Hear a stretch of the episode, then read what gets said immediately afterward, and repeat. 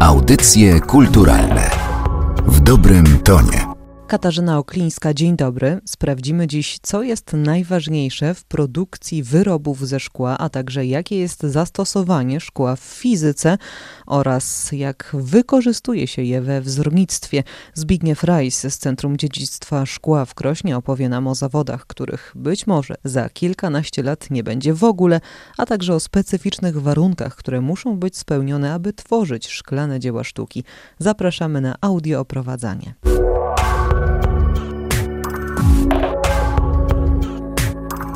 Centrum Dziedzictwa Szkła w Krośnie to ośrodek, w którym w bardzo atrakcyjnej formie prezentujemy zwiedzającym blisko stuletnie dziedzictwo przemysłowe miasta, jakim jest hutnictwo szkła.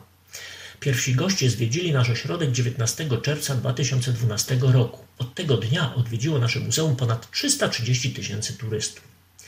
Na kilku poziomach budynku głównego zwiedzający mogą przyjrzeć się produkcji szkła i jego zdobieniu różnymi technikami.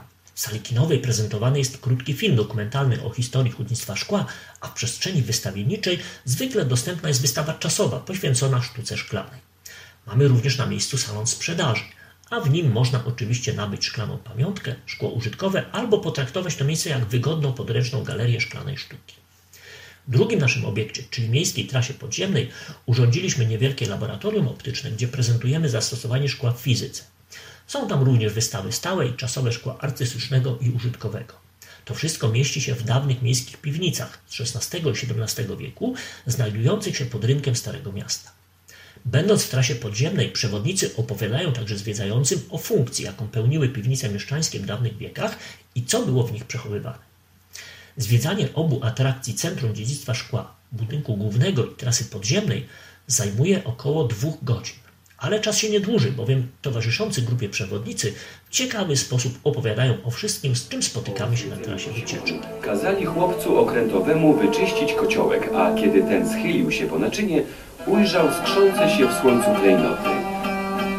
I tak z saletry, stopionej w żarze ognia z piaskiem, zrociło się szkło. Na poziomie minus czwartym budynku głównego bije gorące serce naszego ośrodka. Tu mieści się warsztat hutniczy i tu stoi piec służący do wytopu szkła. To właśnie tutaj zwiedzający przyglądają się całemu procesowi produkcji szklanego przedmiotu formowanego ręczną metodą. Na podejście hutniczym pracują hutnicy, którzy posługując się prostymi narzędziami, dzięki swojemu talentowi potrafią wyczarować z gorącej masy szklanej niezwykłe rzeczy. Podest hutniczy jest miejscem szczególnym w każdej hucie szkła.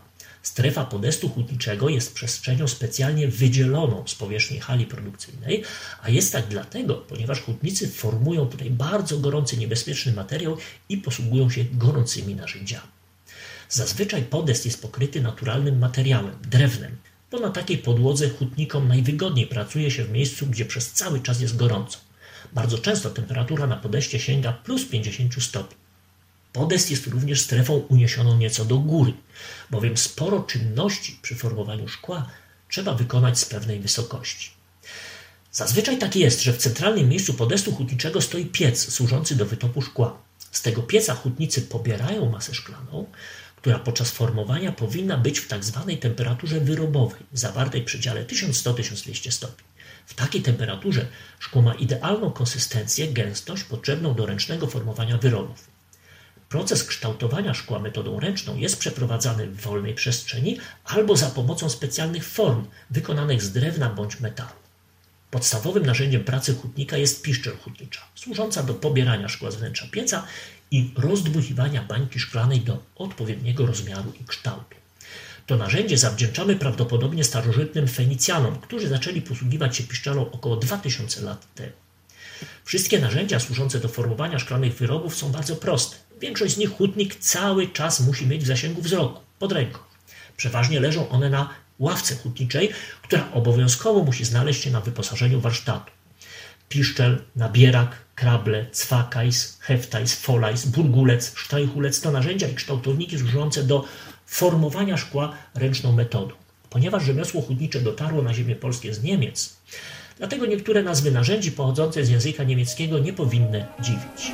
Najstarszym znanym przedmiotem szklanym jest paciorek znaleziony w egipskich Tebach. Liczy około 5,5 tysiąca lat i trudno powiedzieć, czy jest to rozmyślne dzieło człowieka, czy przypadkowa kropla powstała przy szkliwieniu ceramiki. Charakterystyczne stanowisko pracy, czyli ławka hutnicza, posiada specjalną konstrukcję, dzięki której hutnik ma możliwość ciągłego obracania szklanym gorącym plastycznym wyrobem, aby utrzymać go w osi narzędzia. Na podejście hutniczym, oprócz pieca głównego, hutnicy muszą mieć także do dyspozycji kilka pieców pomocniczych, spełniających różne zadania. Są piece służące do wstępnego podgrzewania narzędzi. Są również piece, w których podgrzewa się szklane wyroby podczas formowania, aby cały czas utrzymać formowaną masę szklaną w tzw. Tak fazie płynnej. Te piece nazywane są drumlami. W zakładzie produkcyjnym bardzo ważne są także odprężarki ciągłe, nazywane ciągowniami i odprężarki komorowe. W tych urządzeniach wyroby szklane po procesie formowania obowiązkowo muszą się znaleźć i przejść przez nieskomplikowany, ale konieczny do przeprowadzenia proces odprężania szkła, czyli proces powolnego ochładzania. W innym przypadku, gdy szkło zostanie zbyt szybko schłodzone, będzie samoistnie pękać. W naszym warsztacie hutniczym przedmioty szklane uzyskują kolor metodą pośrednią, w której wykorzystywane są barwne szklane pudry i granulaty. Bazą do produkcji jest szkło bezbarwne wytapiane w piecu, a pudry i granulaty po stopieniu w piecu pomocniczym pozwalają uzyskać piękną barwę na powierzchni szkła. W metodzie bezpośredniej szkło barwione jest już w piecu. Nazywamy takie szkło szkłem barwionym w masie. Jeśli chcemy wytopić szkło kolorowe, musimy do tak zwanego zestawu szklarskiego dodać związki chemiczne zabarwiające szkło na konkretny kolor. Zestaw szklarski przygotowywany przez zestawiacza na zestawiarni może się składać nawet z kilkunastu komponentów. W skład zestawu wchodzi oczywiście piasek szklarski, topniki masy szklanej, stabilizatory masy szklanej, związki uszlachetniające szkło, związki barwiące i mącące masę szklaną. Związkami barwiącymi szkło najczęściej są tlenki metali, natomiast mącą masę szklaną, czyniąc ją nieprzeźroczystą, fluorki, czyli sole kwasu fluorowodorowego. Topiarze zajmują się wytopem szkła. Opękiwacze oddzielają niepotrzebne fragmenty wyrobów szklanych na opękiwarkach. Modelarze wykonują z drewna różne formy i kształtowniki. Kowale i ślusarze precyzyjni wytwarzają potrzebne oprzyrządowanie, a ekipy techniczne dbają o ciągłość produkcji. W biurach projektowych pracują projektanci szkła. Tak więc huta jest miejscem pracy dla specjalistów w wielu dziedzinach. Dzięki wysiłkowi wielu utalentowanych ludzi powstaje w efekcie końcowym doskonały szklany produkt. Szklarstwo na ziemiach polskich liczy sobie ponad tysiąc lat. Najprawdopodobniej pierwszy polski warsztat powstał w Kruszwicy pomiędzy XII a XIII wiekiem. Natomiast pierwsze udokumentowane wzmianki o hutach szkła w Polsce pochodzą ze stulecia XIV. Krosno również wpisuje się w historię rozwoju sztuki szklarskiej na ziemiach polskich. Na poziomie minus trzecim budynku głównego mamy warsztaty zdobienia szkła. Na tych warsztatach pracują nasze koleżanki i nasi koledzy wykonujący zawód zdobnika szkła.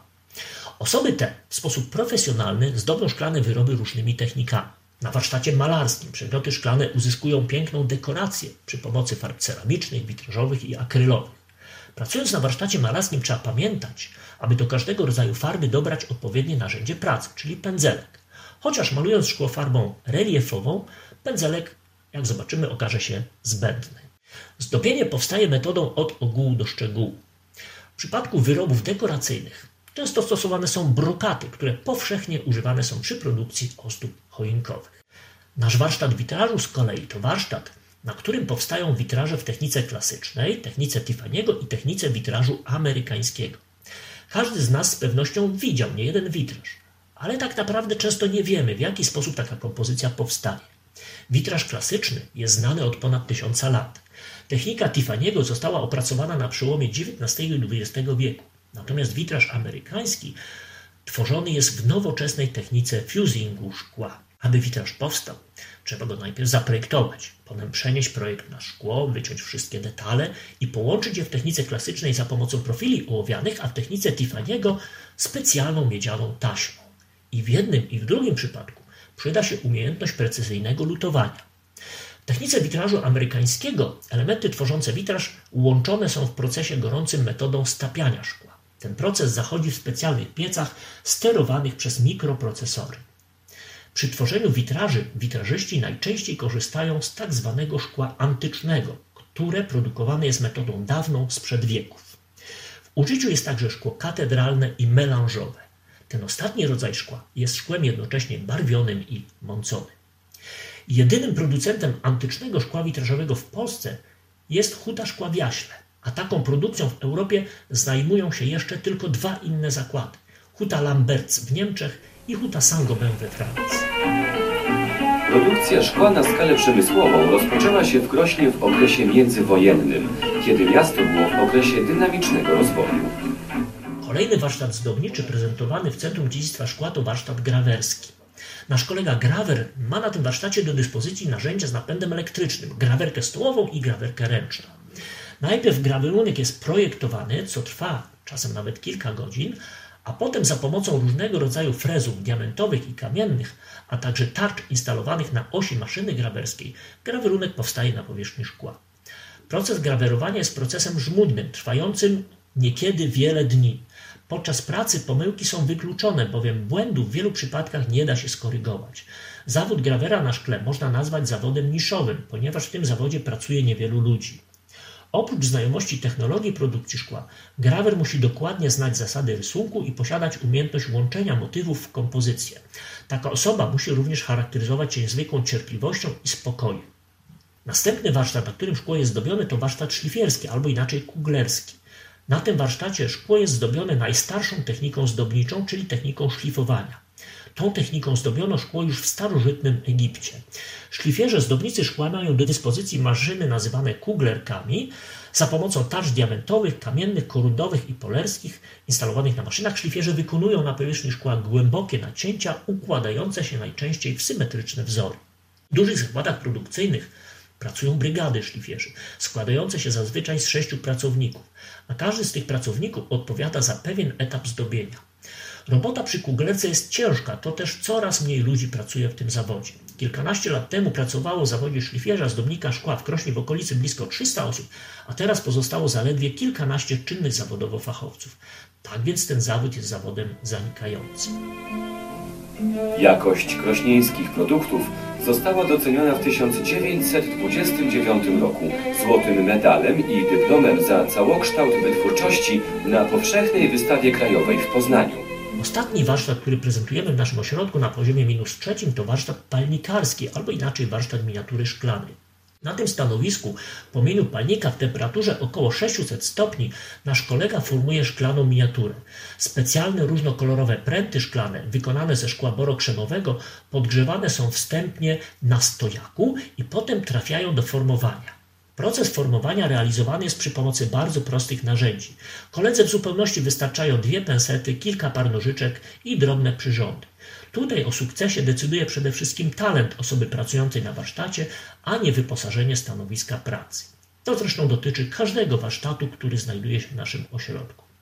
Praca na warsztacie palnikarskim jest pracą uciążliwą, bo pracuje się przy hałaśliwym stanowisku. Hałas spowodowany jest tym, że ten palnik zasilany jest oprócz gazu sprężonym powietrzem. Praca jest również niebezpieczna, łatwo tutaj o poparzenia dłoni. Trzeba bardzo uważać. Kolega, który pracuje na palniku, ma już ponad 25 lat doświadczenia i jest jednym z najlepszych specjalistów od szklanej miniatury w naszym kraju. Niewielkie formy powstają na warsztacie naszego kolegi w ciągu kilku, kilkunastu minut, ale zaawansowane wzory wymagają czasem nawet całego dnia pracy palnikarza.